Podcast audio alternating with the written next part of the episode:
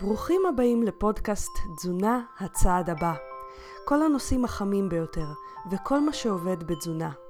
וזה כדי שתדעו מה הצעד הבא במסע שלכם להשגת שלום עם האוכל, הגוף והלב. מוגש לכם על ידי רותי פינק, דיאטנית קלינית והוליסטית שמחפשת תמיד מה עוד אפשרי בתזונה, בבריאות ובחיים.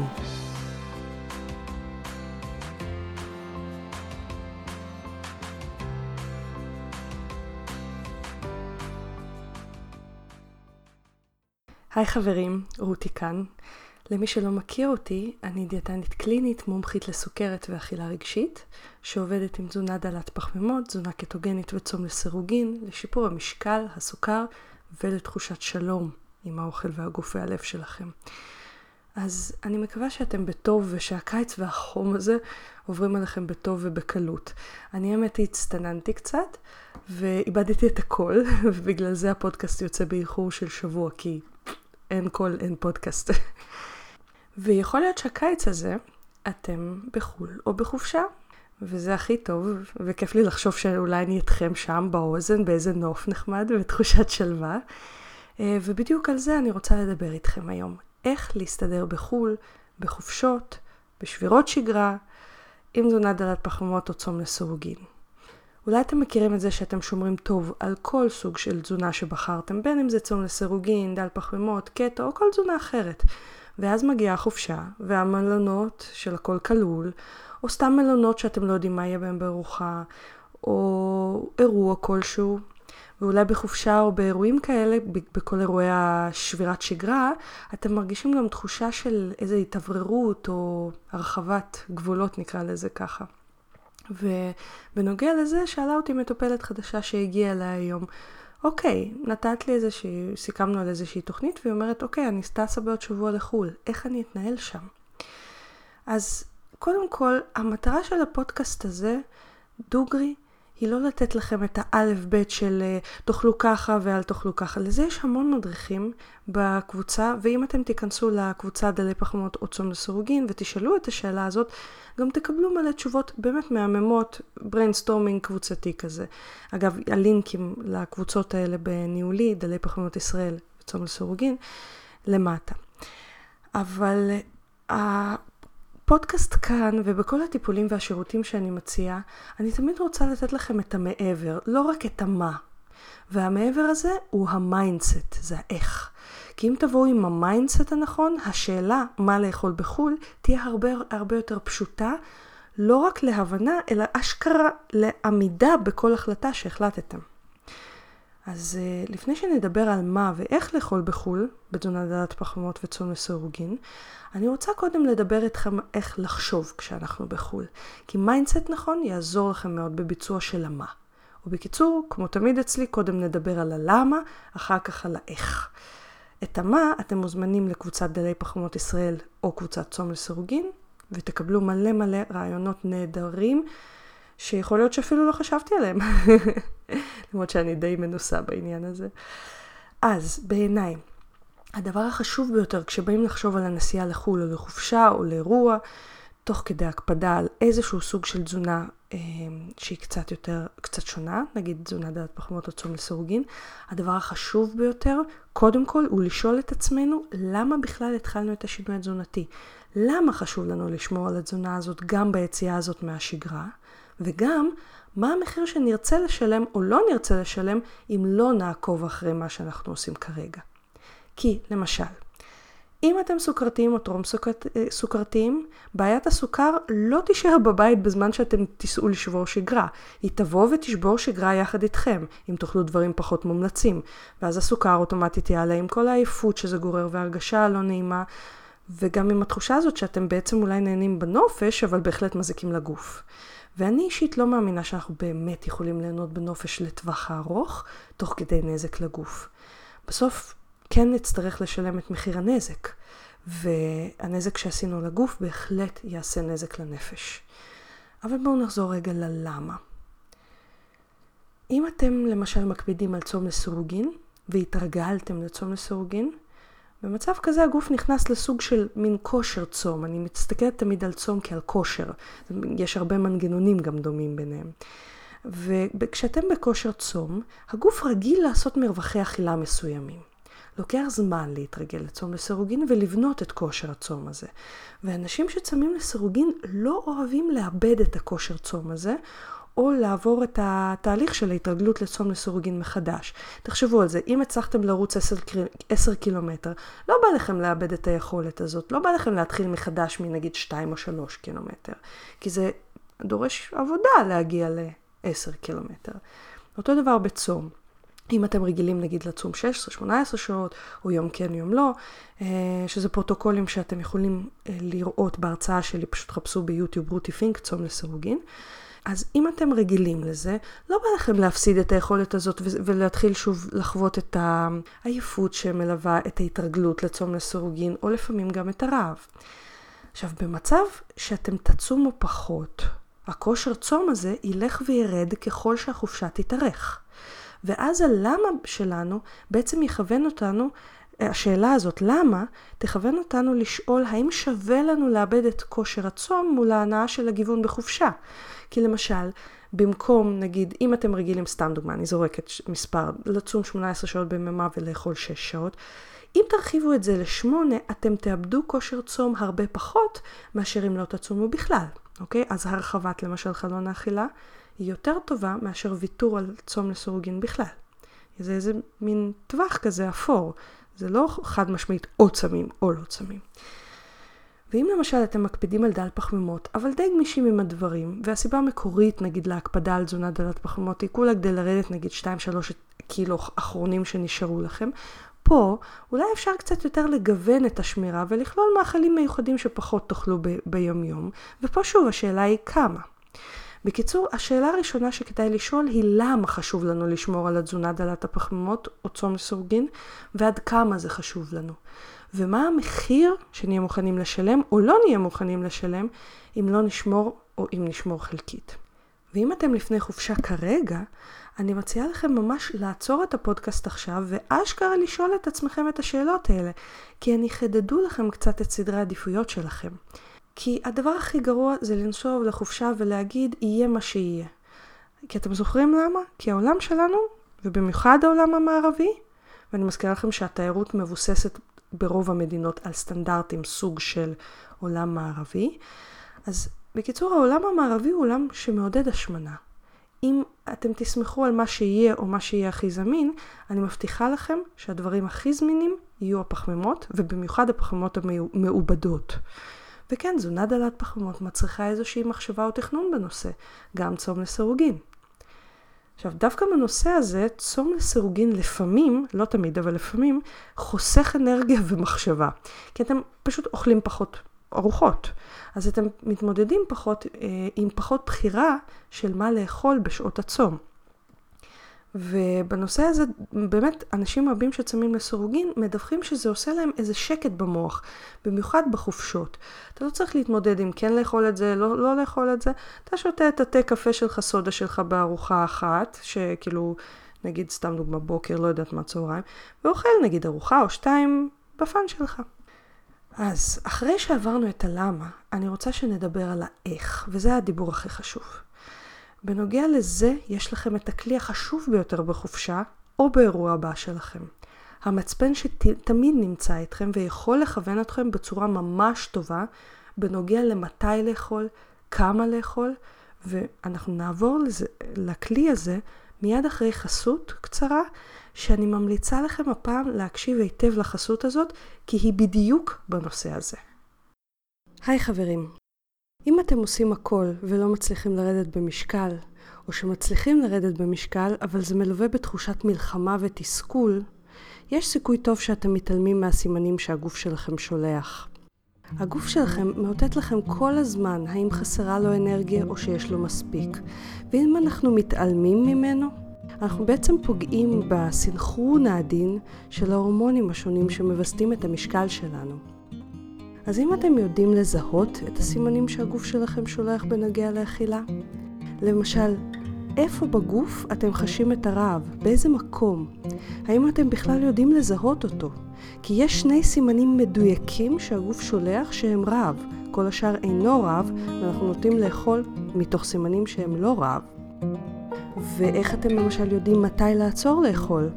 האם זה לפי הכמות שמונחת בצלחת, או שאתם מכירים את הסימנים המדויקים שהגוף שולח בזמן האכילה ולא 20 דקות אחרי?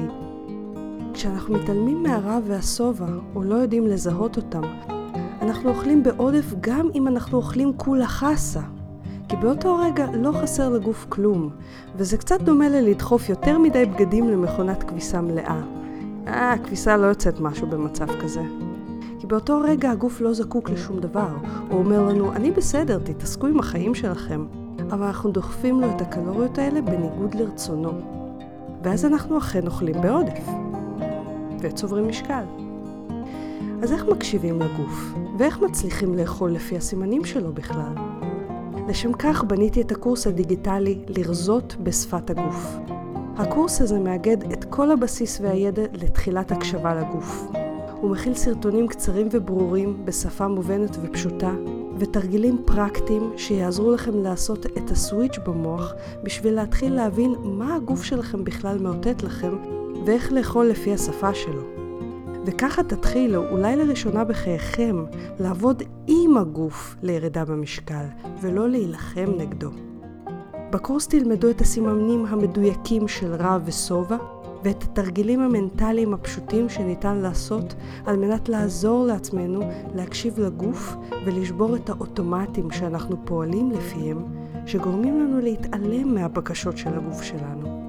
את כל התכנים של הקורס בדקתי כבר על מאות מטופלים בקליניקה, שלא לומר אלפים, ואין טיפול שבו אני לא מכניסה את התכנים האלה, כי זה פשוט הבסיס להכל. לא משנה מה אתם אוכלים ובאיזה תזונה אתם דוגלים, אם אתם מתעלמים משפת הגוף, אתם תהיו במלחמה עם המשקל.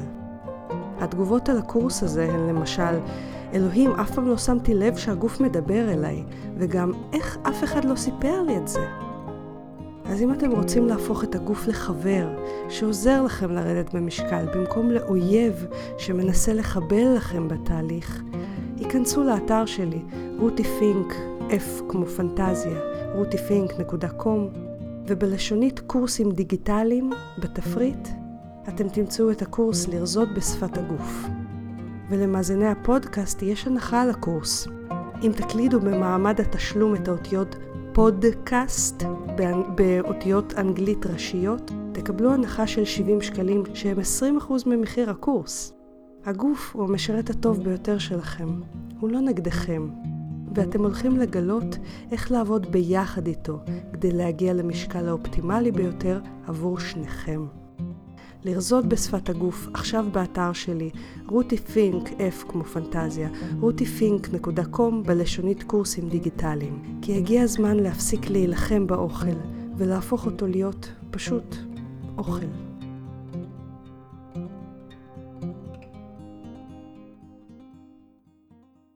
אז מהחסות, בטח הבנתם שהקשבה לגוף היא כלי סופר חשוב כשנוסעים לחו"ל. למה? כי הגוף מווסת את האוכל שלנו. כשלגוף חסר משהו, הוא יאמר זאת על ידי רעב פיזי. כלומר, אם הגוף לא רעב, סימן שלא חסר לו שום דבר. כשאין רעב, הגוף בעצם אומר, תתעסקו עם העניינים שלכם, אני בינתיים מאכל את האוכל הקודם, או משתמש במאגרים שאגרתם. ומהו שובע בשפת הגוף? שובע הוא בעצם ה-say של הגוף, שהוא קיבל את מה שהוא חיפש, או יותר נכון, את כמות אבות המזון שהוא חיפש. ומעבר לשובע, כל דבר יהיה מיותר. כל דבר. גם סלרי, גם חסה. עכשיו תחשבו על חופשה או אירוע עם בופה הכל כלול. מה קורה לנו שם? האם אנחנו אוכלים שם רק כי אנחנו רעבים? או עד לשובע הנעים הזה של האמרה של הגוף שהספיק לו? אני מניחה שרובכם יכולים לענות על זה כלא. אז חלק ממכם יגיד לא, כי הוא שכח כבר מה זה רעב ושובע הטבעיים של הגוף. וזה בדיוק מה שאני מלמדת בקורס לרזות בשפת הגוף. אז רוצו לקנות אותו, כי חבל על כל יום שאתם לא בקשב לגוף. אבל מה שקורה בתזונה דלת פחמות וקטוגנית, ומה שקורה לאחר תקופת ההסתגלות גם בצום לסירוגין, זה שרובנו באמת מתמחים יותר לזהות את הרעב והשובע. לפעמים אנחנו כן צריכים את העזרה הזאת שאני מלמדת בקורס לרזות בשפת הגוף, אבל משהו שם מאוד מאוד מתחדד. גם אם לא זיהינו בעבר, אנחנו נלמד לזהות יותר טוב גם אז. אבל הרוב, שוב, לא כולם, אבל הרוב עדיין מאבד את זה בחופשה למרות תזונה דלת פחמות, קטו או צום לסירוגין. וכאן נכנס מושג בפסיכולוגיה האנושית שהוא אחד מבין הגורמים שגורם לנו להתעלם לחלוטין מצרכי הגוף, גם כשאנחנו יודעים לזהות אותם. והמושג הזה נקרא, אה, תחשבו על האותיות האנגליות, FOMO, שזה F-O-M-O, שזה קיצור באנגלית של Fear of Missing Out, או בעברית, הפחד לפספס. פומו זה משהו שקיים בענק בחברה המערבית בהכל. זה זולג לכל חלקה טובה בפסיכולוגיה שלנו. והמשמעות של זה היא שכל פעם שאנחנו בחוויה כלשהי, אנחנו במקביל חושבים על כל החוויות שיכולנו להשיג אם לא היינו בחוויה הזאת, או כל מה שאנחנו מפספסים. והפומו הזה גורם לנו לרצות עוד ועוד מכל דבר, ולא באמת להיות מסופקים, או לא להיות מסופקים בטווח ארוך. אני אתן דוגמה רגע, לא מעולם האוכל, ואז אחבר את זה לאוכל. דוגמה שאני לא ממש גאה בה, אבל היא כן מדגימה באופן חזק ביותר מה זה פומו. אולי חלק מכם יזדהו עם הדוגמה הזאת, אולי חלק לא, אבל uh, תקופה ארוכה בחיים שלי, כשהייתי במערכות יחסים באמת נהדרות, אוהבות וארוכות, חלק ניכר מהזמן עסקתי בלחשוב מה האופציות שאני מפספסת בחוץ. למזלי הגדול אני עשיתי על זה באמת עבודה, ואשכרה הלכתי לטיפול בנושא הזה, אבל זו הייתה תקופה מאוד ארוכה של חוסר סיפוק אדיר במערכות היחסים שלי. חוסר סיפוק אדיר בגלל הפומו. ומה זה אומר?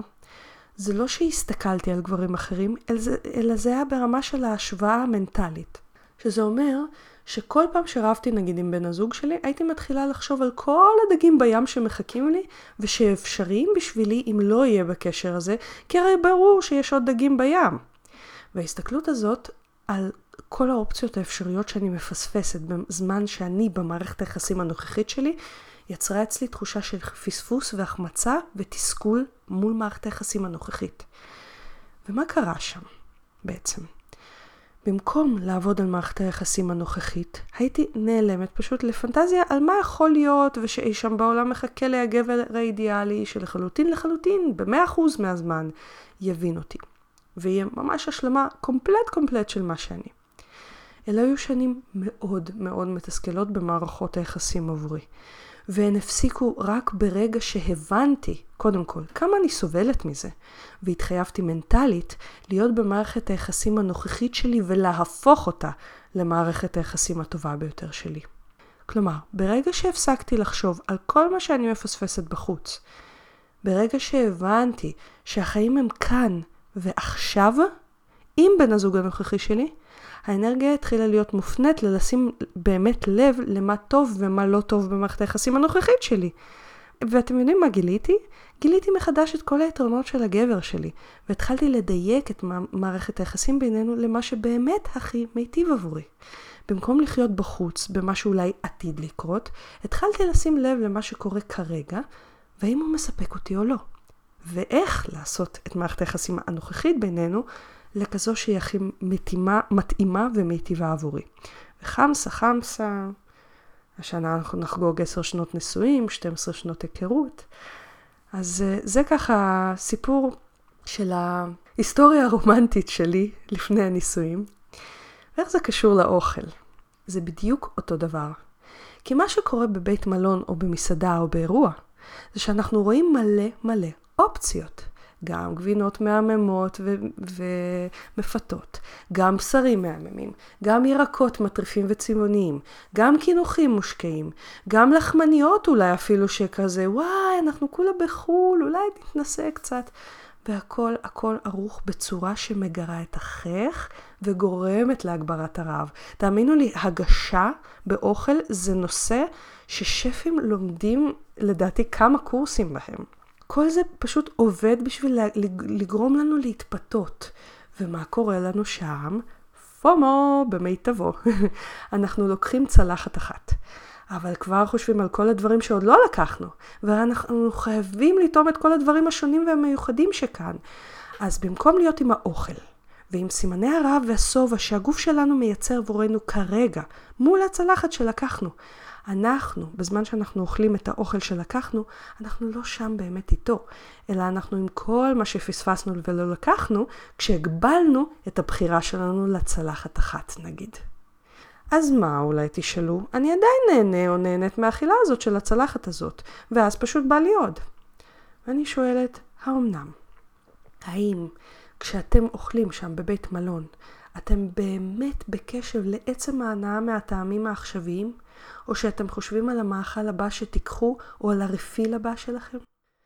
מדברים על זה שפומו הוא אחד הגורמים לדיכאון בחברה המערבית. וברגע שמלמדים להפחית את הפומו, רמת הסיפוק מהחיים עולה. עכשיו, בין אם זה נכון ובין אם זה לא נכון, זה לחלוטין אחד הגורמים לחוסר תחושת סיפוק ושובע רגשי מהאוכל. אתם זוכרים אכילה רגשית? חלק מאכילה רגשית היא חוסר סיפוק רגשי מהאוכל. אנשים באים אליי לקליניקה ואומרים לי המון פעמים, אני אוהב או אוהבת אוכל ולכן אני אוכלת הרבה. ואני תמיד עונה להם את אותה התשובה. אתה אוהב לאכול, וזה נפלא. אבל אתה אוכל הרבה לא כי אתה אוהב לאכול, אלא כש, כי כשאתה אוכל אתה לא נמצא עם האוכל באמת. אתה נמצא עם הביס הבא, עם המאכל הבא, עם הממתק הבא. וזה גורם לך לא ליהנות באמת מהאוכל. זה גורם לרב אדיר לסיפוק, וזו הסיבה שאתה אוכל הרבה. זו אחת הסיבות, יש עוד הרבה סיבות.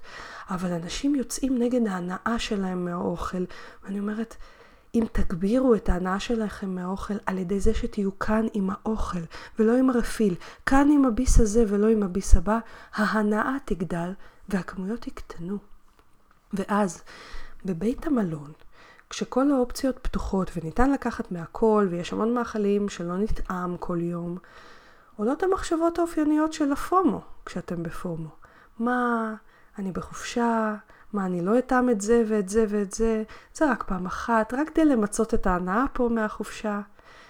ואני רוצה להזמין אתכם לבדוק, האם המגוון הוא הדבר היחיד שיכול ליצור אצלכם את, ההנאה, את ההנאה? כי אני אגיד לכם איך אני עובדת עם האנשים בקליניקה. כשאדם בא באמת לעבוד על ה mindset שלו, וזה לוקח זמן, זה לוקח מפגשים, אבל אחד הדברים החשובים ביותר שאני מלמדת אותם, זה להיות בכאן ועכשיו עם האוכל. להיות כאן ועכשיו באמת. כמו במערכת יחסים שת, שבה אתה בחרת את הבן זוג שלך, אז ככה אתה בחרת את מה שתאכל עכשיו, ואז אתה נהנה מכל הטעמים והתתי טעמים של האוכל הזה עכשיו, מהמרקמים שלו עכשיו, לא מהביס הבא, עכשיו מהביס הזה. מהתחושות הפיזיות שזה מעורר, מעצם ההתגרות בגוף מול מה שבחרת. ואתם יודעים מה הקסם שקורה אז? באופן טבעי ובלי מאמץ, אתם מסופקים ממה שיש לכם בצלחת עכשיו, שבעים ממנו יותר, ולא מחפשים את הדבר הבא, או שהחיפוש אחר הדבר הבא יורד וההנאה מאכילה עולה. ואז כמויות האוכל יורדות, יורדות בצורה משמעותית, אין לכם מושג אם לא ניסיתם את זה, כמה זה יכול להפחית. אנשים לפעמים שבעים מכמה ביסים ביי.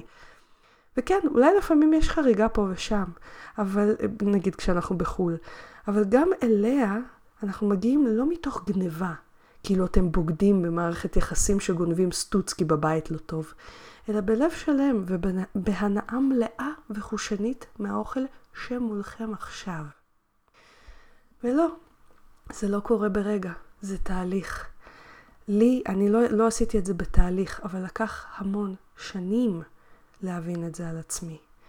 ואיזה מזל, אני אומרת לעצמי, אני מסתכלת על המטופלים שלי ואני אומרת לעצמי, איזה מזל שיש להם את הטיפול הזה. כי הלוואי ו... וידעתי למי לפנות כשרק התחלתי לטפל בזה בעצמי בשביל לקצר את כל השנים האלה שלקח לי בשביל להגיע לזה. אני משאירה אתכם עם תרגיל אחד הביתה. זה לא קשור אגב אם uh, תעשו את זה בחו"ל או בבית, אבל יהיה לכם פשוט יותר לעשות את זה בבית. בפעם הבאה שתאכלו, נסו פשוט להיות עם האוכל בכאן ועכשיו, כאילו זה הביס האחרון שלכם, כאילו הביס הזה זה כל מה שיש לכם. ולא, זה לא כזה פשוט. אבל תתחילו להתמקד בהאם אתם באמת נהנים מהאוכל שמולכם, כי יכול להיות שנגיד סתם דוגמה, בחרתם כי זה משהו שצריך לבחור ולא כי באמת יתחשק לכם את זה. אבל אם אתם כן נהנים מול האוכל הזה, נסו להגדיל רזולוציה ולשים לב לכל ההשתנויות של המרקמים של האוכל, השינויים בטעמים, השינויים בתגובת הגוף לאוכל, האם הרוק יוצא או לא יוצא. אני מבטיחה לכם שאם תהפכו את האוכל להנאה ולמשחק של כל החושים, ייתכן שהכמויות יתחילו לרדת מעצמן, ולא תצטרכו ללכת לבית מלון ולחשוש מה אם אני אוכל את זה או את זה או את זה, אלא תתמקדו בגוף, ופשוט תשאלו אותו, גוף אתה רעב? גוף מה אתה רוצה לאכול? ותבדקו מה באמת בא לכם. וכשתאכלו אותו, תאכלו אותו עם כל החושים. וגם אם מדי פעם זה יהיה כן חריגה, זה חריגה קטנה מאוד. ואם אתם עדיין לא יודעים על מה אני מדברת וזה נשמע לכם סינית עתיקה, בדיוק בשבילכם הכנתי את הקורס לרזות בשפת הגוף. אז אני מקווה שנהניתם מהפודקאסט היום. אם אתם רוצים להיות בקשר או לשלוח שאלות לפודקאסט, אתם ממש מוזמנים לבקר באתר של הפודקאסט rutifink.com, פינק כמו F כמו פנטזיה, rutifink.com/פודקאסט. אתם גם מוזמנים לחפש אותי ביוטיוב, יש לי ערוץ מלא בסרטונים על תזונה דלת פחמימות וצום לסירוגין, פשוט חפשו רותי פינק ביוטיוב. יש לי גם ערוץ באינסטגרם, פשוט חפשו רותי פינק באנגלית, שוב F כמו פנטזיה. אתם ממש מוזמנים לעקוב אחריי גם בפייסבוק. אתם יכולים לחפש אותי פשוט בעברית, רותי פינק, או להיכנס לאחת משתי הקבוצות שאני מנהלת, דלי פחמימות ישראל, והקבוצה צום לסירוגין עם רותי פינק. ואנחנו נשתמע שבוע הבא. תודה שהקשבתם לפודקאסט תזונה הצעד הבא. אני מקווה שנהניתם. חשוב להדגיש שהמידע בפודקאסט מוענק לצורכי העשרה בלבד, והפודקאסט לא מהווה בשום צורה תחליף לייעוץ או טיפול אישי. בכל בעיה רפואית או נפשית יש לפנות למטפל מוסמך, ואנחנו ניפגש שבוע הבא. ביי.